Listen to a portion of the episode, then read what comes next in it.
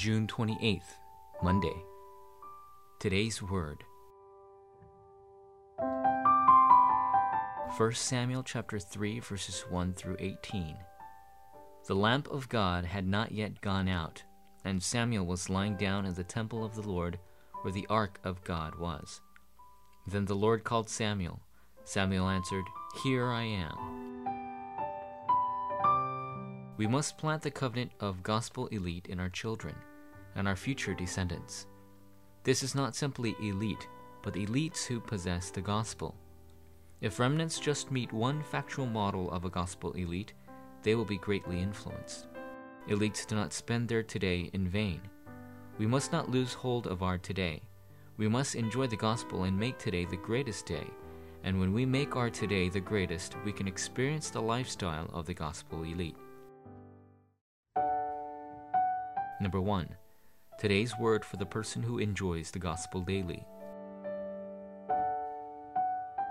We must be able to see today while enjoying the gospel. We must enjoy today while thinking about evangelism. We must enjoy today while equipping ourselves with lifelong reasonable attitudes of the elite. As we enjoy the blessing given through the church, we must be able to see our today. Only then will today's word hold any meaning. Although this is the word that anyone can easily hear, today's word realistically hits the heart of the person who thinks about the gospel every day. Enjoying the gospel daily means enjoying daily that Jesus is the Christ, the kingdom of God, and the filling of the Holy Spirit just like the early church grabbed onto. Inside of this, you will have many evidences and experiences, and you will end up grabbing hold of today's word. Number two, today's word for the person who enjoys evangelism. For the first time in history, Deacon Philip shared the gospel in Samaria with a Gentile, the Ethiopian eunuch. Paul went to Macedonia and shared the gospel, and this became the direct answer that wrote a new page in history.